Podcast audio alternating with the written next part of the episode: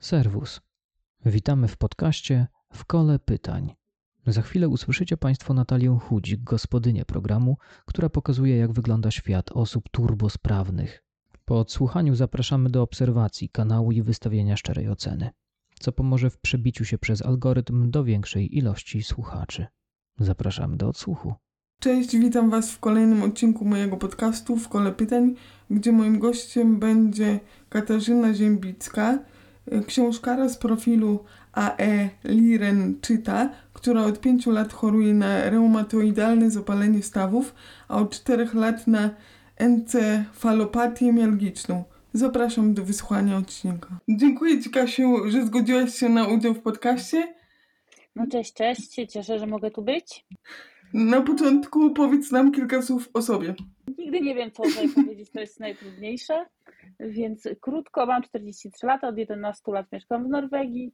Mam męża potocznie na Instagramie zwanego chłopem i jeszcze do niedawna miałam królika, za którym tęsknię bardzo.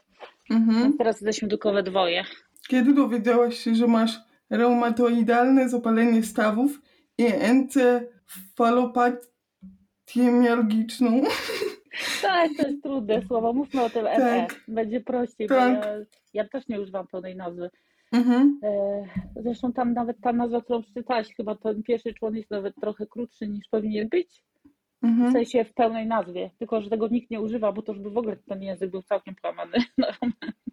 Mhm. E, RZS, wiesz co, reumatoidalne mm, zapalenie stawów, e, pierwsze objawy pojawiły się w 2018, a diagnozę dostałam w 2019, Mhm. no bo to tam się troszkę czekało na reumatologa, to nie tak hopsiu. A jeżeli chodzi o ME, w 2019 się pojawiły pierwsze objawy, po, w sumie po infekcji wirusowej, a diagnozę dostałam dopiero w sierpniu tego roku, bo długo nie wiedzieliśmy się w ogóle, co się ze mną dzieje, a kiedy pojawiła się w ogóle taka opcja, że może to być ME, to 14 miesięcy zajęła nam diagnostyka. Czym charakteryzują się e, objawy ME? No to jest taka skomplikowana choroba. Właściwie głównym, głównym takim e, problemem jest to, że sen nie regeneruje i człowiek jest bardzo, bardzo zmęczony, Mhm. ale taki zmęczony po wysiłku fizycznym i, i też takim mentalnym, psychicznym, tylko że to zmęczenie jest zupełnie nieadekwatne do sytuacji. Więc przeważnie trwa dłużej niż dobę, u mnie Mhm. czasami nawet i dłużej niż jedną. To są jeszcze zaburzenia snu, no bo właśnie kiedy on nie regeneruje, to też w sumie człowiek jest. Trochę mi to lekarz tłumaczył na zasadzie baterii w telefonie, Mhm. że jeżeli bateria jest rozładowana i ja sobie ją naładuję do 100%, to Mhm. później w ciągu dnia ta bateria schodzi znowu niżej. A ja swoją mogę naładować do 20% i dalej nie pójdzie Mhm. Tak jakby w organizmie swoją baterię. E, Przy takim zmęczeniu są też trudności z przetwarzaniem informacji. Ja dużo trudniej teraz łapię różne rzeczy, które się do mnie mówi. E, Mam spowolnione myślenie, mam utratę pamięci krótkotrwałej. Bardzo często jest tak, że ja muszę od razu coś zapisać, bo jak nie Mhm. zapiszę, to już kaplica, ja nie wiem, co ja powiedziałam. E, Co ja sobie tam pomyślałam, zaplanowałam zrobić. Mam obniżoną koncentrację, mam przeczulony słuch bardzo. Jakby to są takie, takie drobiazgi, ale one strasznie męczą na co dzień. Mhm. Także kiedy się z chłopem poprztykam, to nie ma krzyczenia. Musi do mnie cicho mówić, więc chociaż Mhm. jeden plus tego jest. E, Mam słabą koordynację ruchową. Wszystkie, wszystkie objawy takiej grypy, ból gardła, spuchnięte i bolesne węzły chłonne szyi, bo głównie szyi. Mhm. E, Takie poczucie gorączki, że mam e, wysoką gorączkę, bóle mięśni, takie jak przy grypie i to jest niestety bardzo normalne. Mam też problemy z mową. Bardzo Mhm. często mam tak, że ja nazywam to tak zwanym, to jest taki dzień opisowy, bo ja nie jestem w stanie znaleźć słowa, ona po prostu mi znika w głowie, niezależnie w jakim języku ja teraz mówię, wiesz, czy w domu po polsku, czy gdzieś tam u lekarza po norwesku, czy coś. E, Ja muszę opisywać. Ja na przykład Tomkowi opisuję, że ma kupić owoce, takie kuleczki małe na gałązce i on wie, że to są y, winogrona, bo ja na przykład tego dnia takiego słowa po prostu mi gdzieś znika. Mhm. E, Czasami mam właśnie problem z mową w ogóle, bełkoczę strasznie, jak, jakbym wypiła nie wiadomo co. Mhm. Bóle w stawach mam stałe, w mięśniach mam wędrujące takie bóle po całym ciele, także ja nie, nie, nie mam czegoś takiego jak chwila bez bólu. Ja nawet nie pamiętam, jak to jest. E, Zmienił mi się smak, mam nadwrażliwość na pikantne potrawy, nie mogę. Kiedyś Mhm. normalnie mogłam jeść, teraz, teraz nie ma, nie ma takiej opcji. Mam problem z uregulowaniem temperatury ciała, właśnie jest mi albo za zimno, albo za gorąco, nie ma nic pomiędzy. I są też takie rzeczy, takie, typ, takie już bardzo fizyczne, jak wiesz, krwawienia z nosa albo poranione dziąsła. Mam bardzo często po takim wysiłku. Ostatnio byliśmy z Tomkiem, pojechaliśmy do Warszawy na koncert.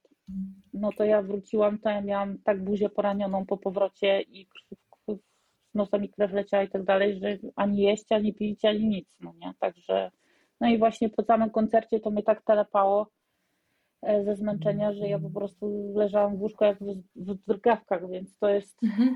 to jest trudne, to trzeba wszystko rozplanować, więc to są takie, one są dziwne, bo to, takie, to są takie objawy, które też można do wszystkiego innego przy, przypisać.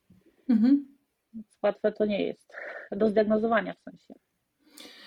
A byłaś zdiagnozowana w Polsce czy w Norwegii? E, W Norwegii i tu i, i, i reumatoidalne zapalenie stawów i ME w Norwegii. Wiesz, ja tu jestem ubezpieczona, tutaj mam, e, bo to nawet nie chodzi teraz o ubezpieczenie, tylko chodzi też o to, że ja tutaj, wiesz, już jestem w systemie, żeby dostawać jakieś teraz, wiesz, chorobowe, jakieś tam świadczenia rehabilitacyjne czy coś, no to ja muszę się tutaj leczyć. Co prawda jest Mhm. opcja, żeby się leczyć w Polsce, e, będąc nadal tutaj ubezpieczonym i oni to by wszystko oczywiście zaakceptowali, tylko że dla mnie też z drugiej strony latanie teraz no w tej chwili jest strasznie problematyczne, więc nie ma sensu. A jak wyglądała diagnostyka? Możesz coś E, więcej powiedzieć? Przy, przy reuma- reumatoidalnym zapaleniu stawów to w sumie głównie jest badanie krwi, Mhm. sprawdzają taki czynnik reumatoidalny REF, e, ale nie zawsze on jest, bo u mnie akurat nie występuje, bo ja mam seronegatywne e, zapalenie stawów i to, ale wtedy badają to USG głównie. Później Mhm. jeszcze miałam rezonans i to po prostu widać na USG, dlatego że stawy są, to jest takie zapalenie, tam w środku są, jest, są jakieś płyny, więc to widać na USG. A, no i oczywiście ja miałam tak spuchnięte te stawy, że to i gołym okiem było widać, że tam jest zapalenie, bo to, no i przy RZS one y, też są, y, zawsze z obu stron te same stawy idą. Także to nie Mhm. jest tak, że na przykład masz zapalenie w lewym nadgarstku, a w prawym nie, tylko masz w obu Mhm. więc to idzie tak symetrycznie. Natomiast jeżeli chodzi o EME, to no głównie to jest wykluczenie wszystkich innych chorób, które dają podobne objawy, bo tego się tak laboratoryjnie nie da zbadać, nie da się Mhm. sprawdzić. E, Natomiast mimo, że nazwa tak jakby wskazuje na to, żeby się niby powinno dawać, bo ten pierwszy człon, encefalopatia chyba, tak, ja tego nigdy Tak. też nie umiem wymówić, E, to jest jakby zapalenie kręgu rdzeniowego, a tam jelniczne oznacza bóle mięśniowe. Tego się nie da za bardzo aż tak dobrze zbadać, więc teraz to jest na zasadzie wykluczenia wszystkich innych chorób, które dają podobne objawy. Ja nawet na HIV miałam badania, bo daje takie same objawy. E, A później trzeba spełnić kryteria, które tam. Tam jest jakiś sposób właśnie tych kryteriów, jakiś chyba kanadyjski, o ile dobrze kojarzę, Mhm. mm, które trzeba spełnić, ale to jest też dosyć łatwa choroba, bo ona jest niewidoczna dla Mhm. lekarza, dlatego że kiedy ja idę do lekarza, to idę w swojej najlepszej formie do niego, żeby w ogóle móc się porozumieć. Eee, Więc ja byłam trzy tygodnie w takim sanatorium, gdzie tam wiesz, tak jakby obserwowali mnie, jak, jak to u mnie wygląda i tam stwierdzili, że to na pewno jest ME. Dopiero tam tak jakby mieli obiektywne spojrzenie na to, jak to wygląda u mnie, bo no, no to było strasznie trudne dla mnie. Więc Rozumiem. cztern- 14 miesięcy nam to zajęło. Dobra, teraz zapytam. A z Twojego punktu widzenia e, służba zdrowia jest lepsza w Polsce czy w Norwegii? e, w Polsce. Dlatego, że e, poza jednym przypadkiem, poza leżeniem w szpitalu i jedzeniem w szpitalu, bo tu jedzenie w szpitalu jest naprawdę fajne, Mhm. trochę jest taki, trochę jest, e, powiedziałabym, bliżej hotelowego, Mhm. bo na przykład właśnie można tam sobie zejść do bufeciku, bo nie przynoszą ci jedzenia. Jeżeli jesteś na chodzie, to sama idziesz do bufeciku i tam Mhm. wybierasz, co chcesz. Także tam są i owoce i tak dalej, różne napoje, że jest Mhm. zupełnie inaczej. Natomiast jeżeli chodzi o kolejki, to jest, y, to jest tak samo w Polsce. Minus jest taki, że tutaj prywatnie się nie pójdzie, bo to jest, naprawdę są horrendalne pieniądze. E, oczywiście, no chodzą niektórzy, no ale to, to powiedzmy, że trzeba mieć e, grube portfel. No i Mhm. wcale teraz e, jakość tych prywatnych wizyt nie jest wyższa od tych państwowych, bo nad nimi nie ma kontroli za bardzo, więc jest to raczej będzie gorzej. Mhm. Co jest dziwne, bo w Polsce jest odwrotnie, nie? Jak zapłacisz, to jednak możesz wymagać, jak Tak, a tak. tutaj jest zupełnie inna mentalność. E, ale jeżeli chodzi o wiedzę lekarzy, no to w Polsce to jest dużo wyższy poziom. To w ogóle nawet nie ma o czym rozmawiać. To jest, tutaj jest normą, że ja idę do lekarza, ja mu mówię coś, co mi dolega, on wpisuje w Google e, objawy i szuka, co to może być. To jest norma. To mnie już to kompletnie nie dziwi. Jak ja się ostatnio lekarza powiedziałam, że bo biorę też leki na nadciśnienie jeszcze, bo w związku z tym, z tym ME mam, wiesz, Mhm. problemy z serduchem, takie u- pikawy, Mhm. więc dostałam leki, żeby to trochę obniżyć to tętno. E, I jak po pierwszych miałam e, skutki uboczne, e, kaszel suchy po prostu w nocy mnie męczył, no to jak poszłam, to on szukał w Google, jakie mi dać. No, Okej. To jest normalne tutaj, to nie jest nic innego. No i jest też trudno, bo takie rzeczy jak profilaktyka praktycznie nie istnieją. Yy, dlatego, że tutaj, żeby dać skierowanie, musi być powód, bo inaczej urząd wchodzi na takiego lekarza, że za dużo daje skierowań, że bez sensu, że nie są niczym, wiesz, że nie ma powodu. I, i, I to jest problem, bo nawet powiem Ci, że takie rzeczy jak ginekolog, do ginekologa trzeba mieć skierowanie. Ja byłam u ginekologa tylko raz, kiedy miałam problem z endometriozą i później Mhm. już się leczyłam w szpitalu na to, e, ale tylko wtedy dostałam skierowanie do ginekologa, bo tak to nie. Tak nie możesz sobie takiej z buta, bo ty chcesz się zbadać. Nie ma takiej opcji. Nawet Mhm. kobiety w ciąży nie zawsze widzą ginekologa, bo takie, jak- jakbyś chciała cytologię, to ci rodzinny lekarz zrobi, nie? Czego ja nie jestem w stanie przeskoczyć, bo dla mnie rodzinny lekarz rodziny, właśnie. ja sobie nie No. wyobrażam w ogóle po prostu, to nie. No. Także tak to wygląda tutaj.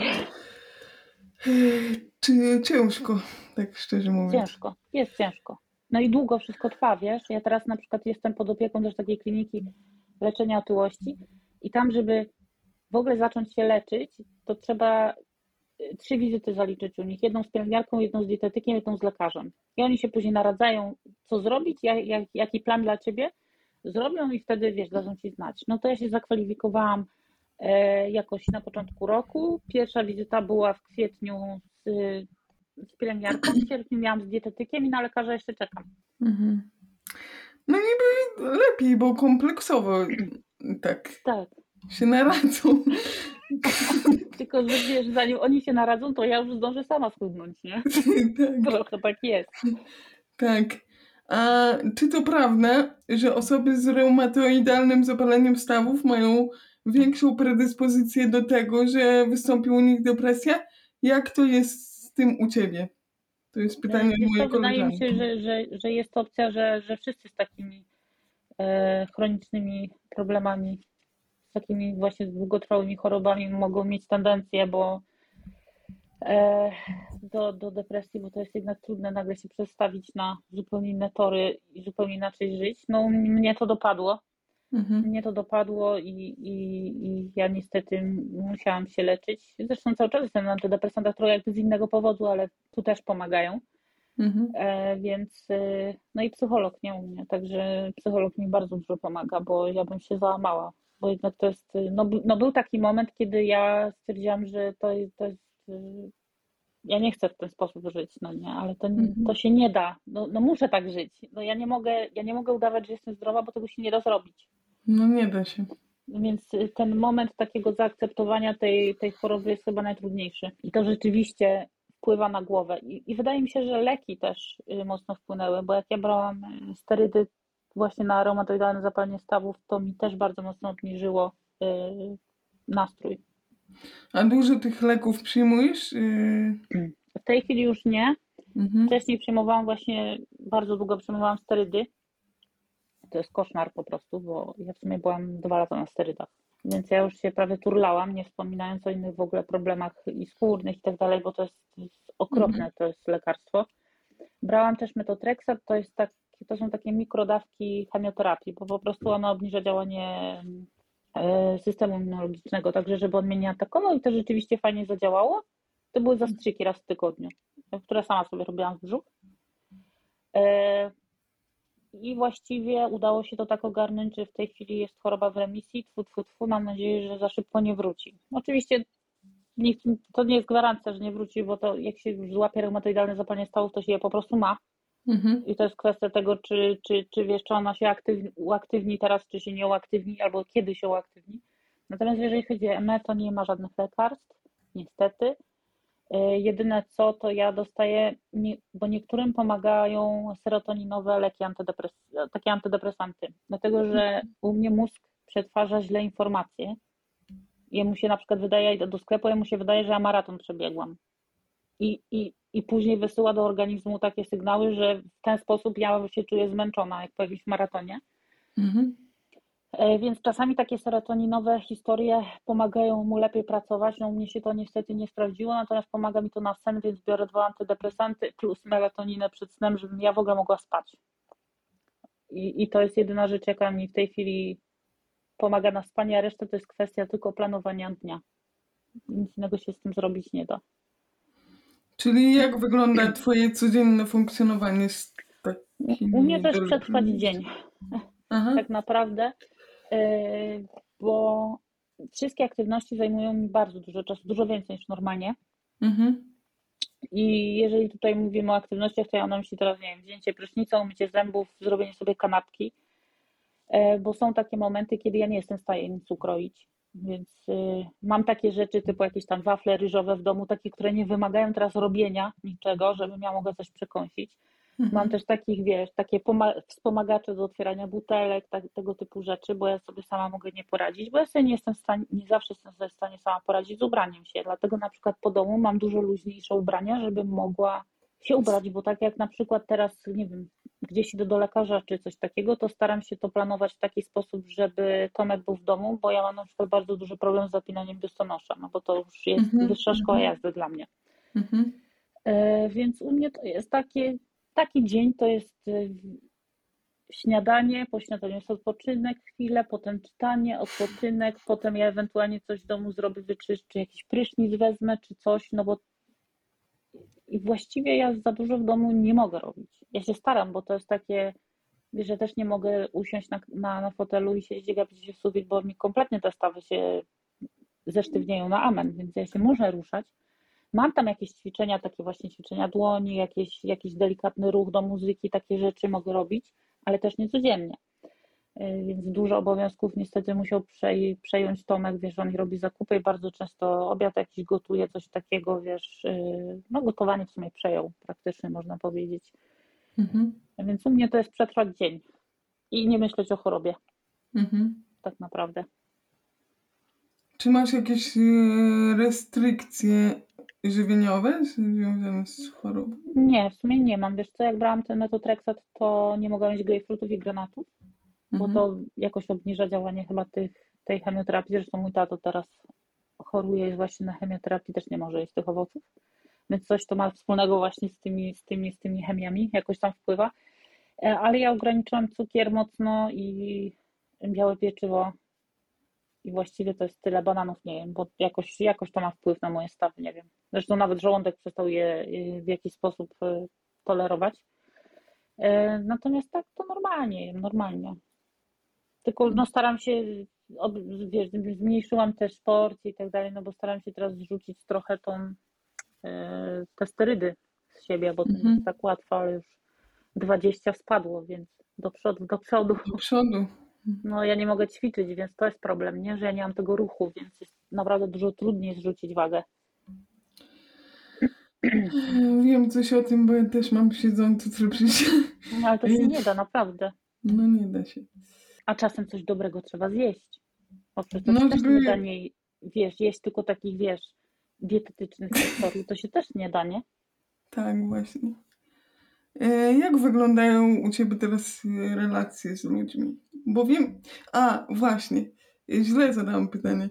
Bo wiem, jak wyglądało Twoje życie przed chorobą, przed tą diagnozą. Co, co, całą. Tak, tak, tak. Nie, no to teraz jest zupełnie inaczej. Ja się kompletnie wycofałam. Mhm. Yy, bo to nawet nie do końca jest tak, że ja się chcę wycofać, tylko wiesz, jak ktoś cię, nie wiem, 10 razy z rzędu pyta, czy się spotkacie, a ty 10 razy z rzędu mówisz, że niestety nie dasz rady, to on już 11 raz nie zapyta, nie? Mhm. E, trochę tak jest i to, to się też trochę nie ma co dziwić, ale bo ja po prostu ja nie daję rady, mi jest bardzo ciężko zaplanować, bo mnie bycie z ludźmi też męczy, to jest, y, to jest okropne, bo, bo ja w sumie za tym bardzo tęsknię i mi tego brakuje, Mhm. ale ja nawet, y, nawet ograniczyłam, y, nie wiem, rozmowy na Skype'ie z rodzicami, nie? Bo, bo mnie po prostu takie rzeczy męczą. Więcej piszemy teraz do siebie, bo, bo po prostu ja, nie, ja później nie jestem taka wydrenowana. I to jest okropne, więc ja, ja zrezygnowałam z wielu rzeczy. Nie, praktycznie można powiedzieć, że ja nie mam znajomych, Mhm. rzadko wychodzę, rzadko yy, ktoś do mnie przychodzi, bo to też jest dla mnie męczące i teraz to trzeba jakoś zgrać i, i, i robi się w ogóle z tego cały cyrk. Mówię, no ludzie też, no nie ma się co dziwić, no jak człowiek ciągle odmawia, no to w końcu oni przestają Tak. e, zapraszać, więc czasami jest przykro, ale też, ale też to rozumiem, no nie, bo no jest zupełnie inaczej, bo ja jednak byłam, no nie, ja, ja, ja raczej byłam taka, że ja wolałam, żeby nie, nie wszędzie było pełno, teraz Mhm. ja jestem w domu głównie, nie? Mhm. A kim byłaś z zawodu? Znaczy, E, wiem, że pracowałaś. Tak, ja pracowałam tutaj jako stylistka paznokci, bo strasznie to lubiłam. E, W Polsce też pracowałam jako stylistka paznokci, najpierw pracowałam jako biurwa zwykła, Mhm. w księgowości w sumie siedziałam, ale ja jakoś ja lubię coś takiego bardziej kreatywnego, więc mnie te paznokcie. I tutaj to kontynuowałam i to było strasznie fajne, bo to zawsze się z kimś pogadało, a jeszcze jest fajny plusem czegoś takiego jest, że ta bariera taka fizyczna zostaje przerwana, bo cały czas trzymasz tą klientkę za rękę, Mhm. jak robisz paznokcie i, i one się też dużo bardziej otwierają, więc ja tu miałam naprawdę no i trochę się na tych paznokciach siedzi Mhm. więc zaczyna się rozmawiać, co miesiąc się przychodzi, więc to było naprawdę fajne, strasznie lubiłam tą pracę i dla, no dla mnie to było bardzo przykre, że ja wiem, że już nigdy tego nie będę robiła, nie? Choćby ze względu na stawy, bo akurat stawy mocno mi, to reumatoidalne zapalenie stawów bardzo mocno mi dłonie zaatakowało, więc no, tego Mhm. typu historie odpadają. No właśnie, jak sobie z tym radzisz? W sumie głównie dla mnie taką, takim ratunkiem był, był, była moja pani psycholog, dlatego że ja na początku w ogóle nie chciałam do siebie przyjąć, że ja jestem chora, nie? To w Mhm. ogóle ja na pewno nie jestem chora, to jest niemożliwe. Nie ma takiej możliwości. Ja będę cały czas robiła to, co normalnie. Ja nawet na początku, jak dostałam, jak, jak, jak, to, jak to zapalenie przyszło, ja byłam strasznie, miałam spuchnięte, ja nie mogłam w ogóle, ja byłam do tego stopnia zbolała, że ja tam, Tomek mi musiał na przykład, jak ja się położyłam w łóżku i sobie przy, wiesz, włosy przygniotłam ramieniem, Mhm. to on mi musiał je wyciągać, bo ja nie byłam w stanie ręki podnieść. E, I to wszystko spuchnięte, takie wiesz, balony na tych, bo ja miałam e, kostki, kolana lekko i właśnie łokcie, nadgarstki i palce e, z Mhm. obu stron.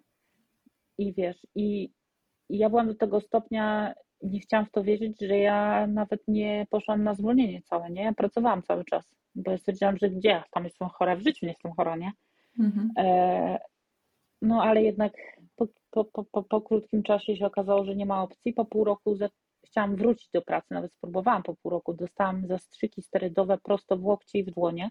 E, to mi pomogło na chwilę Mhm. I wtedy wróciłam do pracy. No ale po dwóch miesiącach musiałam zrezygnować, mimo tego, że to było tylko 30% etatu. A niestety takich zastrzyków nie można powtarzać, dlatego że one są tak mocne, że no nie można tego sobie robić co jakiś czas, tylko to jest y, na zasadzie y, teraz do przetrwania w najgorszym momencie, no nie? Ale tego Mhm. nie można powtarzać, więc y, no było przykro, więc jak później, ja później właśnie psycholog, psycholog mi też pomogła sobie poradzić z tym, że już nie mogę pewnych hobby swoich robić, żeby sobie znaleźć inne. Ja w sumie mocno wtedy wróciłam do książek, Mhm. bo to zawsze było moje hobby, no ale też zaczęłam te moje fotomontaże, bo tego nie muszę robić jakby na raz, tylko mogę na raty, tak? Siadam sobie z tym iPadem, sobie tam rysuję, tam coś se wklejam, wycinam i tak dalej. Mhm. 20 minut porobię, robię sobie przerwę, żeby ręce odpoczęły i mogę do tego wrócić. Więc jakby zastąpiłam poprzednie hobby nowymi, Mhm. a satysfakcję z pracy trochę zastąpiłam tym Instagramem. Jakich y, narzędzi używasz do tych przeróbek? Bo robisz Y, Ja świetnie. głównie albo Photoshop, Mhm. albo Procreate. Procreate to jest taka aplikacja właśnie, ja nie wiem, ona, wydaje mi się, że ona jest chyba tylko na iPada. Nie wiem dlaczego w sumie, bo, mhm, bo jest fajna, tania i generalnie ta nie ma nawet żadnych abonamentów, co jest było ho, ho, ho bo, bo praktycznie takich aplikacji w tej chwili nie ma, tylko raz się za nią zapłaciło i to Mhm. nawet niedużo, właśnie ona była dosyć tania. I właśnie tam sobie, tam sobie, wiesz, robię. Także siedzę zawsze na, na fotelu z iPadem na kolanach i sobie coś tam grzebię w tym. Także lubię sobie w tym dłubać, bo to mi też daje taką satysfakcję, że jednak coś tam jeszcze robię, nie? Mhm. A skąd u ciebie zamiłowanie y, do książek? E, To jest wina mojej mamy. Mówię wina, bo jak w sumie to jest zasługa, ale powiedziałabym, że wina dlatego, że jak ja patrzę, jak mi pieniądze z konta znikają na książki, to to jest jej wina. A nie zasługa. No tak. Wiesz co, jak byłam mała, y, co najlepsze jest to, że moja mama nie lubi czytać i nie czyta książek. Ale Mhm. zawsze było tak, że za dzieciaka, jak kiedy chciałam jakąś zabawkę czy coś, to było nie, ale jak chciałam książkę, to zawsze było tak. Nigdy mi nie odmawiała książek. I ja to strasznie polubiłam, że wiesz, to jest jedyna rzecz, którą ja zawsze mogę dostać, nie? Cokolwiek, Mhm. jaką bym nie chciała, to dostanę. I to mi tak zostało. Ja bardzo że szybko się nauczyłam czytać. Kuzynka mi nauczyła czytać, zanim poszłam do szkoły. Mhm. E, Więc y, dzięki temu też teraz bardzo szybko czytam, bo jak mnie kuzynka uczyła czytać, to ja byłam za mała i za głupia na to, żeby zrozumieć literki. Więc ja jakby zapamiętawałam wzrokowo całe wyrazy. I teraz ja, jak ja czytam, to widzę dwie linijki naraz. Więc ja bardzo szybko Mm, czytam, ale po super. polsku tylko. Aha. Bo jak już czytam po norwesku albo po angielsku, to już wiesz, to już nie jest, je- to już z tym już wzrokowo nie jestem taka obeznana, to Jezus, jak mi to wolno idzie, to jest masakra, nie? Mhm. zupełnie inaczej czytam. Muszę tak jakby w głowie przetwarzać wszystko, co przeczytam, więc idzie mi to bardzo wolno. No ale czytam też, bo nie zawsze jest tłumaczenie tego, co chcę przeczytać. Mhm. Rozumiem. Umiesz norweski, prawda? Tak, tak, tak. Na, nauczyłam się tutaj, chodziłam do szkoły taki, na taki kurs i później dużo w pracy się też nauczyłam, właśnie rozmawiając z klientkami, bo to jak jeden na jeden, to tak nie ma obciachu. Zawsze mówiłam na dzień dobry, że słuchaj, ja mogę gadać głupoty, bo czasami naprawdę można powiedzieć takie bzdury, że goła ma, jak człowiek się przejęzyczy, a, a nie wie. Mhm. E, więc e, one mi też, i, i też zawsze prosiłam, żeby mnie poprawiały. No bo wiesz, no ja No mam tak. się inaczej nauczyć, więc mnie poprawiały i w sumie teraz, teraz mówię po norwesku, mówię, mówię. Nawet czy, czytam, teraz właśnie książkę czytam po norwesku, także i podoba mi się ten język. Może też dlatego łatwiej mi się go było nauczyć, bo mi się po prostu podoba. Ciężko było się nauczyć? On nie jest trudny do nauczania się, ale jest trudny do y, porozumiewania się z tego względu, że tutaj wszyscy mówią y, w różnych dialektach. I to nie jest teraz tak jak w Polsce, że tak jak na przykład na Ślązak sobie mówi po polsku, Kaszub mówi po kaszubsku, ale oni mówią we wspólnym też polskim, takim książkowym, no nie? A tu nie. Aha. Y, Więc jest czasami tak, że jestem w stanie, no ten tutejszy rozumiem, rozumiem ten też jakby z okolic Oslo, ale Mhm. są takie miejsca, że po prostu ja nie wiem, w jakim to jest języku mówiono, nie po chińsku, ja nic nie rozumiem. Ale to nie tylko ja, bo ja w pracy miałam koleżankę, mieliśmy taką babeczkę, która do nas dzwoniła i zamawiała produkty od nas, bo ja pracowałam wtedy w salonie kosmetycznym, który też był e, dostawcą kosmetyków e, Mhm. z jakiejś tam firmy szwajcarskiej. I jak dzwoniła babka z tego Trondelak, z takiego okręgu Trondelak, to tamta tylko się uśmiecha przez telefon, mówiła tak, tak, tak, tak, ale napisz mi to w mailu, bo nic nie rozumiała, co ona zamawiała, no nie, więc to, to nie jest tylko, wiesz, ale to jest trudne dosyć. Natomiast ja miałam o tyle łatwiej, bo mieszkam w Bergen, a Bergen jest miejscem, w którym nie trzeba było znać, nie trzeba znać e, rodzaju żeńskiego Mhm. w słowach, yy, bo mamy tylko tutaj rodzaj męski i niejaki. E, Nie mamy żeńskiego, więc miałam jakby trochę mniej do nauki na egzamin. O, egzamin. Tak, tak, bo zdawałam egzaminę, bo żeby dostać, e, po pierwsze to zdawałam ten egzamin dlatego, żeby sobie go zdać trochę nie planując, bo to się przypadkiem wydarzyło troszeczkę, dlatego że ja byłam na kursie u nauczycielki, która mi się nie podobała. Znaczy nie podobało mi się to, że ja się nic tam nie uczyłam, Mhm. a, a, a ten kurs kosztował, więc mi zależało trochę na tym, że jednak no kurczę, płacę, to ja chcę się uczyć, a nie gadać o wiadomościach w gazetach, bo to nie No o to tak. chodzi. I ona wtedy mi zaproponowała, żebym ja poszła na taki kurs y, do takiego najtrudniejszego tutaj egzaminu, nie? Ja mówię, dobra, to ja pójdę na ten kurs, bo ja chciałam nauczycielkę zmienić, a ja nie planowałam tego egzaminu. Ale ta, ta nauczycielka mi namówiła, idź i idź, bo już później nie pójdziesz, nie? No i poszłam. Mhm. I dobrze poszłam, bo zdałam. I teraz mi się też to przydało, bo też y, wnioskowałam o norweskie obywatelstwo, bo można mieć podwójne w Norwegii Mhm. jest teraz. W Polsce też można mieć podwójne, więc wnioskowałam i te egzaminy też musiałam mieć zdane wszystkie, no nie, żeby wnioskować o obywatelstwo. Bo trzeba się wykazać, że się zna język. To mi się I przydało. udało się. Mm. Udało się, udało się. To też właśnie czekałam. E, Tutaj w ogóle Norwegia jest krajem, w którym nikomu się nigdzie nie spieszy, e, więc żeby, no e, czekaj, 19 miesięcy chyba czekałam na odpowiedź, czy dostałam obywatelstwo po złożeniu dokumentów. Półtora roku. I Jak ci się mieszka w Norwegii? W sumie z jednej strony mi się mieszka dobrze, z drugiej niedobrze. Powiem Ci tak, zmi- zmieniło się tutaj bardzo, Mhm. na niekorzyść. Mhm. To nie jest tak, że to jest kraj idealny. Norwegia ma coś takiego, że Norwegia ma dwie twarze. Ym, Jest takim krajem, y, który bardzo na zewnątrz wygląda na bardzo y, taki, no wręcz idealny. Że wszystko jest tutaj doskonałe, wysoka jakość wszystkiego, dbają o wszystko, co się da, no jest fantastycznie. Y, Mhm. Tylko, że nie. Bo, bo, bo trochę jest tak, że trochę jest odwrotność tego, co w Polsce. W Polsce mamy taką tendencję do tego, że jak coś się złego u nas dzieje, to my klepiemy o tym na prawo i lewo. Po prostu cały świat o tym wie. A tutaj nikt o tym nie wie. Są, wszystko jest zami- zamiatane pod dywan, a tu się dzieją takie historie, że czasami człowiekowi kopara opada i wtedy innym się wydaje, że tutaj jest idealnie. Nie, nie jest, absolutnie nie jest. Tu są cudawianki się odstawiają. Tutaj też jest rasizm, tutaj też jest yy, i na porządku dziennym. To nie jest tak, że teraz tu się zdarzają jakieś historie rasistowskie. Nie, tutaj to jest normalne też. Tak jak w każdym innym kraju są ludzie, którzy są debilami, no po prostu. Tylko tego się nie nagłaśnia. No nie? Mhm. Eee, I wcale, i, wcale I wcale to nie jest teraz tak, że, że kraj jakoś nad tym panuje. Nie, jakoś ani politycy nad tym nie panują, nie, nie, nie ma czegoś takiego, więc w tej chwili się żyje gorzej, dlatego że no ceny po prostu, ja wiem, że wszędzie one wyskoczyły w kosmos, to, jest, to w ogóle nie ma o czym gadać. E, Natomiast w tej chwili tutaj to jest jakaś no, no, no, chora sytuacja z cenami. Jest coraz gorzej. Norwegia straciła zaufanie krajów e, jakby innych, jeżeli chodzi o biznes, dlatego że tutaj rząd sobie stwierdził, że podwyższy podatki tym najbogatszym. Więc najbogatsi zwinęli interesy i pojechali do innych krajów, między innymi do Szwajcarii, gdzie to no, rajem podatkowym Szwajcarii nazwać nie można, a jednak tam jest im lepiej. Więc Mhm. Norwegia straciła zaufanie, przez to naprawdę waluta leci nawet na szyję. No nie tylko przez to, tam różne inne rzeczy tutaj się wyprawiają. I powiem Ci, że jeszcze jest jedna rzecz yy, taka, że może też ja już z wiekiem się starzeję, może też ta moja choroba sprawiła to, że jestem bardziej teraz zamknięta w tym domu, wiesz, że wcześniej chodziłam do pracy, nawet nie miałam czasu myśleć o, o, o różnych rzeczach, no bo wiesz, tu praca, tu jakiś aerobik, tu jakieś spotkanie, tu coś, zawsze coś się działo. I powiem Ci, że źle mi się miesza ze na to, że jednak odległość do rodziny robi swoje, nie? Tak, a szczególnie teraz, jak potrzebujesz Tak. wsparcia, nie? Tak.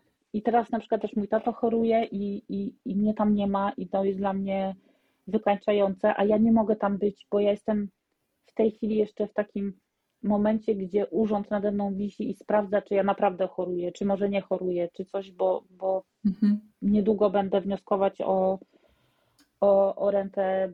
Przynajmniej taka jest rozmowa już z urzędem, ale ja w tej chwili jestem tutaj uwięziona, tak jakby ja nie mogę wyjeżdżać za bardzo Mhm. i, i, i, i robi się niewesoło.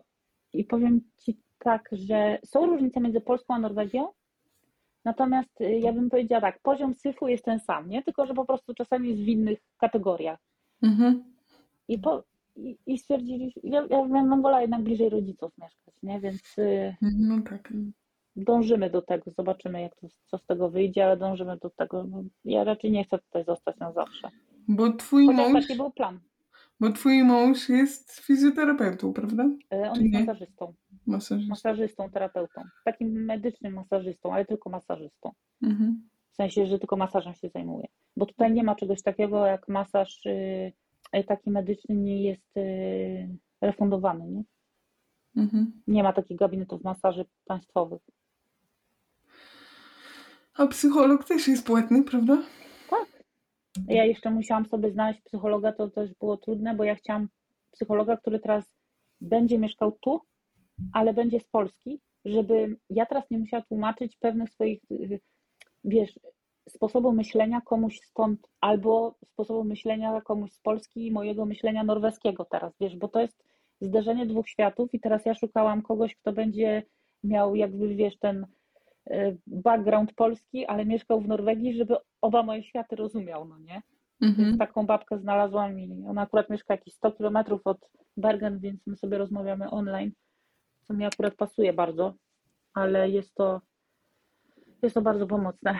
Ale też kosztuje, oczywiście, że kosztuje. No, na szczęście u niej dużo mniej niż w mieście.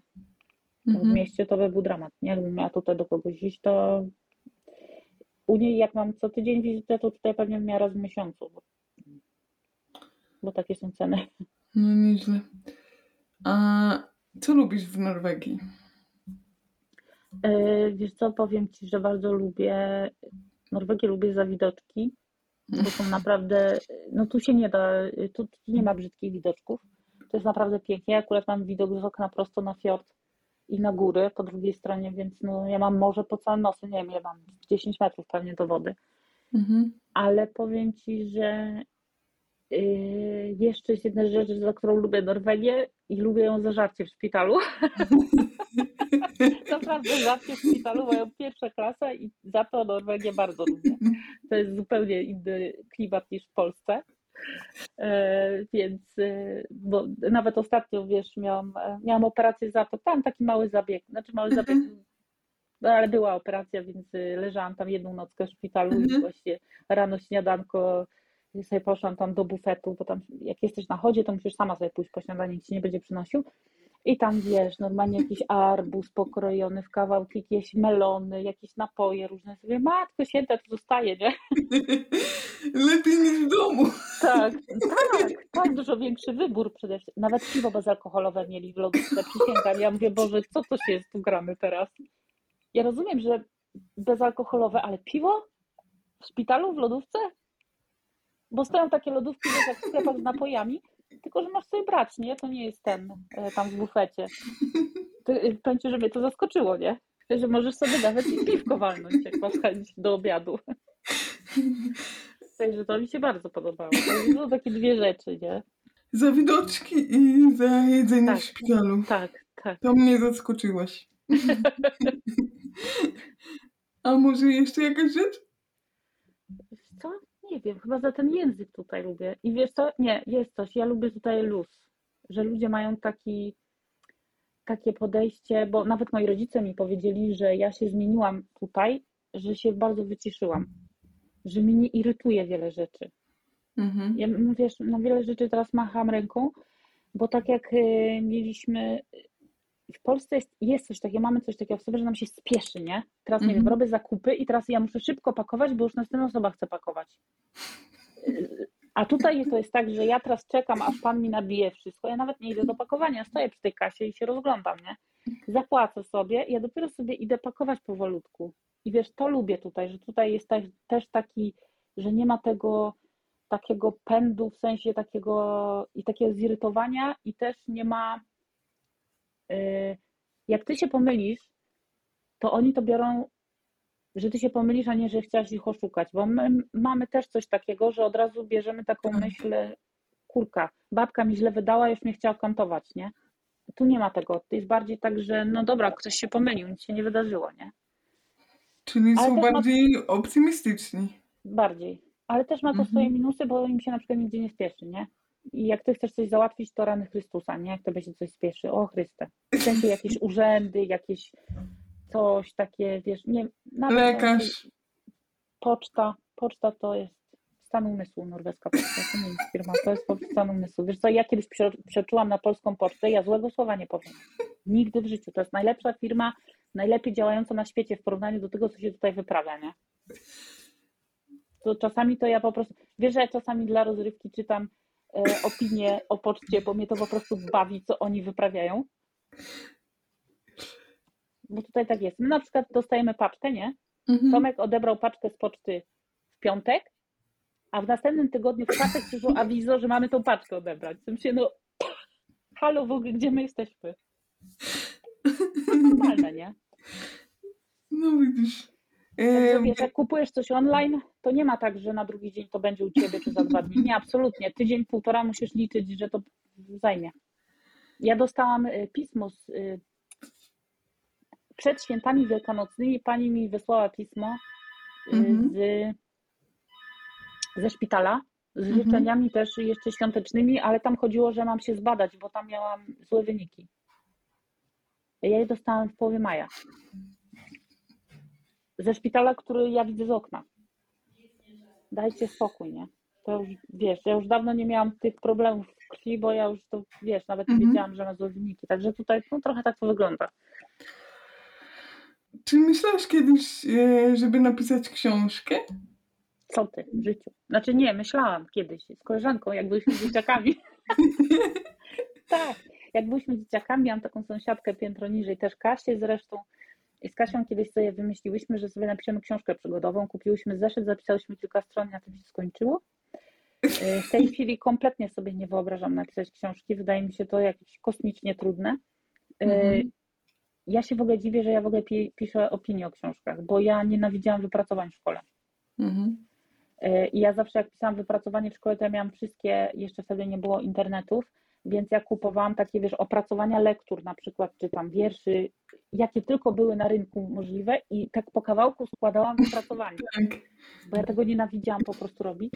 I teraz powiem Ci, że mnie to dziwi, że ja piszę opinię o książkach, bo ja jestem umysłowy bardziej ścisły. Ja mnie w ogóle humanistyczne przedmioty dla mnie to było koszmar największy na świecie, nie? Także, że ja w ogóle takie rzeczy robię, to ja nie wiem. A w ogóle ktoś czyta jeszcze opinie o książkach? Nie wiem. Nie wiem, ja mam czasami wrażenie, że nie, bo zdarza mi się, że psioczę jakąś książkę w poście, ktoś mi napisze, no mnie też się podobała. No to ekstra.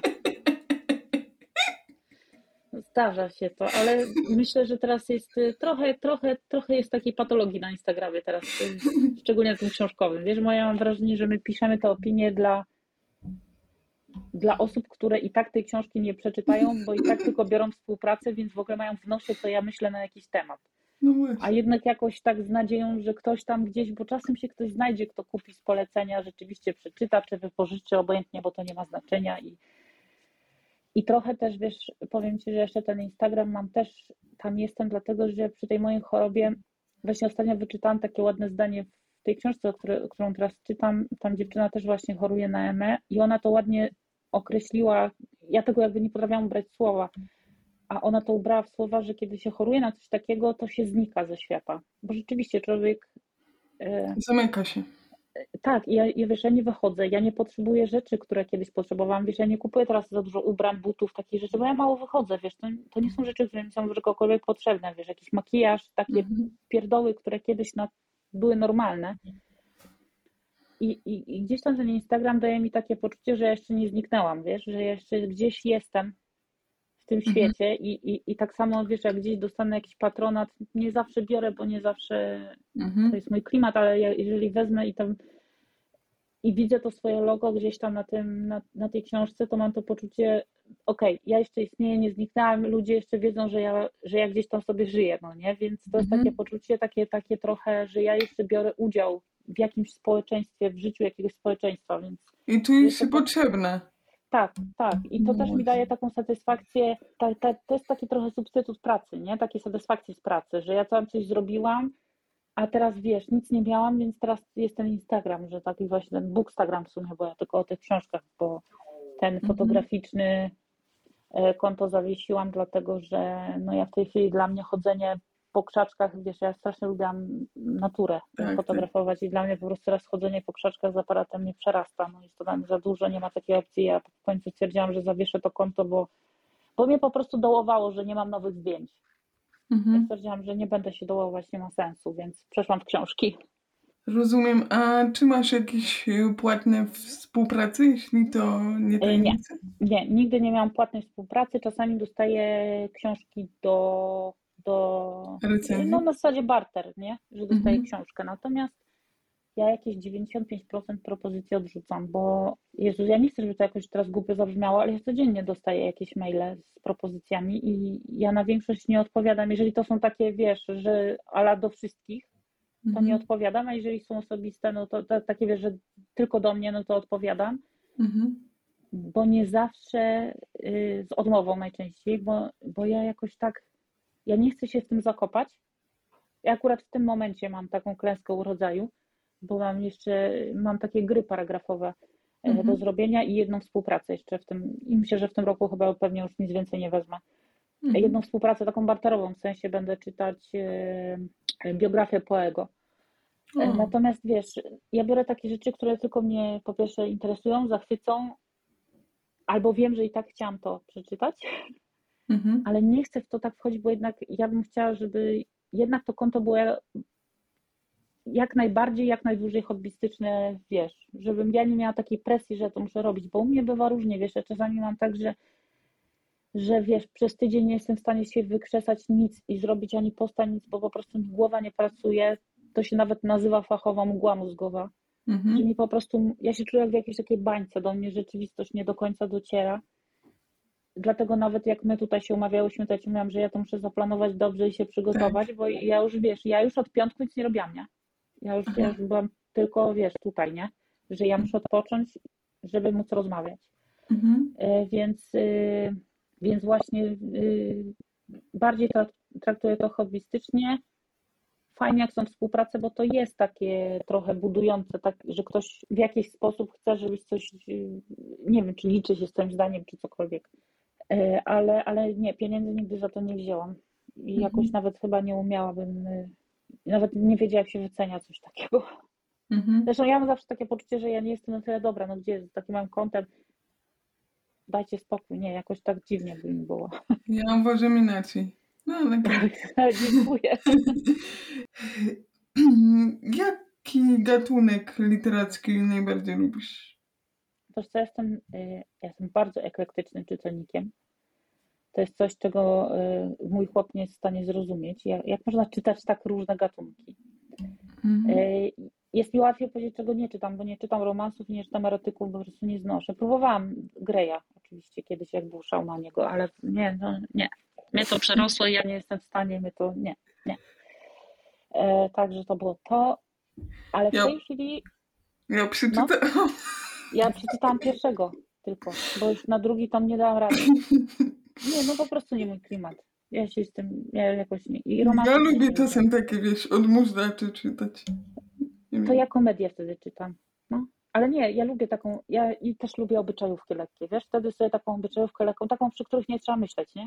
Ostatnio Mhm, właśnie czytałam taką fajną fantastykę lekką, właśnie więzi krwi to się nazywało, pierwszy tom. To było właśnie takie, przy tym nie trzeba było myśleć, ale to było tak fajne, leciutkie takie naprawdę, ja przy tym tak odpoczęłam, tak łeb odpoczął przy tym, ale właśnie ostat... i ostatnio właśnie idę mocno w fantastykę, miałam długą przerwę z fantastyką i wróciłam do niej chyba ze trzy lata temu, Harry'ego Mhm. Pottera sobie kupiłam pierwszy raz w życiu, żeby przeczytać, nie? I tak się wciągnęłam, że później wróciłam do tej fantastyki, Mhm. dlatego że dla mnie to jest taki, wiesz, escapizm w czystej postaci, bo tam mi nic nie przypomina o moich problemach, tam nikt nie choruje, No właśnie. nie ma chorej na, nie wiem, chorego na ratapaty, nie ma choroby w sobie, nie ma problemów, nie wiem, z forsą, yy, czy tam, nie wiem, z urzędem, czy z czymś takim, wiesz o co mi chodzi, tam nie ma, tam, tam są zupełnie, oni też oczywiście mają problem, bo inaczej to książka była na maksa Tak. nudna, ale w zupełnie innym w ogóle jakby polu. Także ja ostatnio na jak bardzo, bardzo w tą fantastykę poszłam. Odkrywam też yy, sci-fi ostatnio, co jest takie dziwne, że SF zaczęłam czytać, bo to nie jest mój klimat, ale zdarza mi się. Mój zupełnie nie. No ja, wiesz co, ja zaczęłam od Lema i się zaskoczyłam przeokrutnie, że ten Lem jest taki dobry. Aż mnie to tak zdziwiło, że bo ja się tam spodziewałam jakichś w ogóle historii kosmicznych, a tam bardziej takie są o człowieku. O, O to naturze człowieka takie fajne. No powiem Ci, że muszę- ten e, Solaris jest rewelacyjny, nie? Jeszcze polecam Ci audiobooka na audiotece, mają swoją pro, super produkcję i to jest po prostu rewelacja, nie? Może wygłupię chociaż te abonamenty mnie, bo zjedzą Wiem, wszędzie. te abonamenty to jest dramat, to jest dramat. Mhm. Jakby tak wszystko mieć na abonament, to by wypłaty nie wystarczyło. No, niestety. Mm. Em, jaka jest twoja ulubiona autorka i dlaczego? No, u mnie to Wójciak, Karolina Wójciak stanowczo, bo y, wiesz co, no ja mam, znaczy ja mam oczywiście dużo więcej, które lubię, ale Wójciak jest taką osobą, która Ja nie wiem, jak ona to robi, bo mnie jest bardzo często łatwo przewidzieć rozwiązanie sprawy. Ona pisze, w sumie takie to są kundelki gatunkowe. Ciężko powiedzieć, co to jest za gatunek, bo tam jest i, i trochę obyczajówki, i jakieś tam czasami jest nutka romansu, e, jest to czasami kryminał, czasami thriller, wszystko naraz w jednej książce. I ona Mhm. pisze bardzo różne te książki od siebie. Mhm. Natomiast ja nigdy nie wiem, y, co ona tam, jak to się zakończy, nie? Nigdy. Po prostu ja nie umiem tego, nie wiem dlaczego jestem, jak już znam autora, to jestem w stanie przewidzieć zawsze, nie? Nawet Tomek się śmieje, że za mną to nam nie można nawet serialów oglądać, bo oglądamy seriale jakieś tam, wiesz, yy, kiedyś oglądaliśmy w sumie, teraz mniej, bo więcej czytamy yy, jakieś tam kryminalne, ja zawsze już wiedziałam kto co i jak i po co, nie? Tak, bo są A u nie jestem w stanie, nie? Ona jest po prostu rewelacyjna i ma takie pomysły i ta ostatnia jej książka, właśnie ta Oszukana, co teraz, teraz y, ona w październiku wyszła. To jest Mhm. moja ulubiona, bo to tam po prostu mi kopara opadła, zaraziłam już Wójciakową e, nawet mojego tatę, także mój tata też się zaczytuje w jej książkach. Także Mhm. wiesz, i koleżanki tam, także zaraźliwe, polecam, polecam Karolinę, bo Mhm. jest po prostu niesamowita. O czym marzysz? E, Wiesz co, właśnie o tym, żeby więcej czasu spędzać z bliskimi. Wiesz, z rodzicami, Mhm. teściami i, i, i z rodziną. I... No i dąż, dążę powoli do, do spełnienia tego marzenia, bo też y, nie, to nie jest tylko tak, że siedzę i marzę, ale, ale już tak troszkę kombinujemy, żeby to się spełniło, bo, bo jednak y, zaraziłam trochę tym marzeniem Tomka też. A myślę, że też wiek też robi, bo Tak, tak. Kiedy przychodzi ta świadomość, że rodzice nie robią się młodsi, to zaczyna być trochę strasznie, nie? I trochę smutno być tak daleko. Mhm. Więc to, to jest takie moje główne. A, a drugie takie jest, y, bym bardzo chciała zobaczyć Alaskę kiedyś. Mam nadzieję, że kiedyś tam się znajdę i zobaczę, y, wiesz, ten kawałek świata. To jest takie moje miejsce, które chciałabym strasznie zobaczyć. Życzę Ci tego Dziękuję. i dziękuję za wywiad. Ja też bardzo dziękuję. Fajnie, że mogłyśmy pogadać i że udało się nagrać. Mam nadzieję. Tak, po tych przejściach naszych. Mam nadzieję. Dzięki.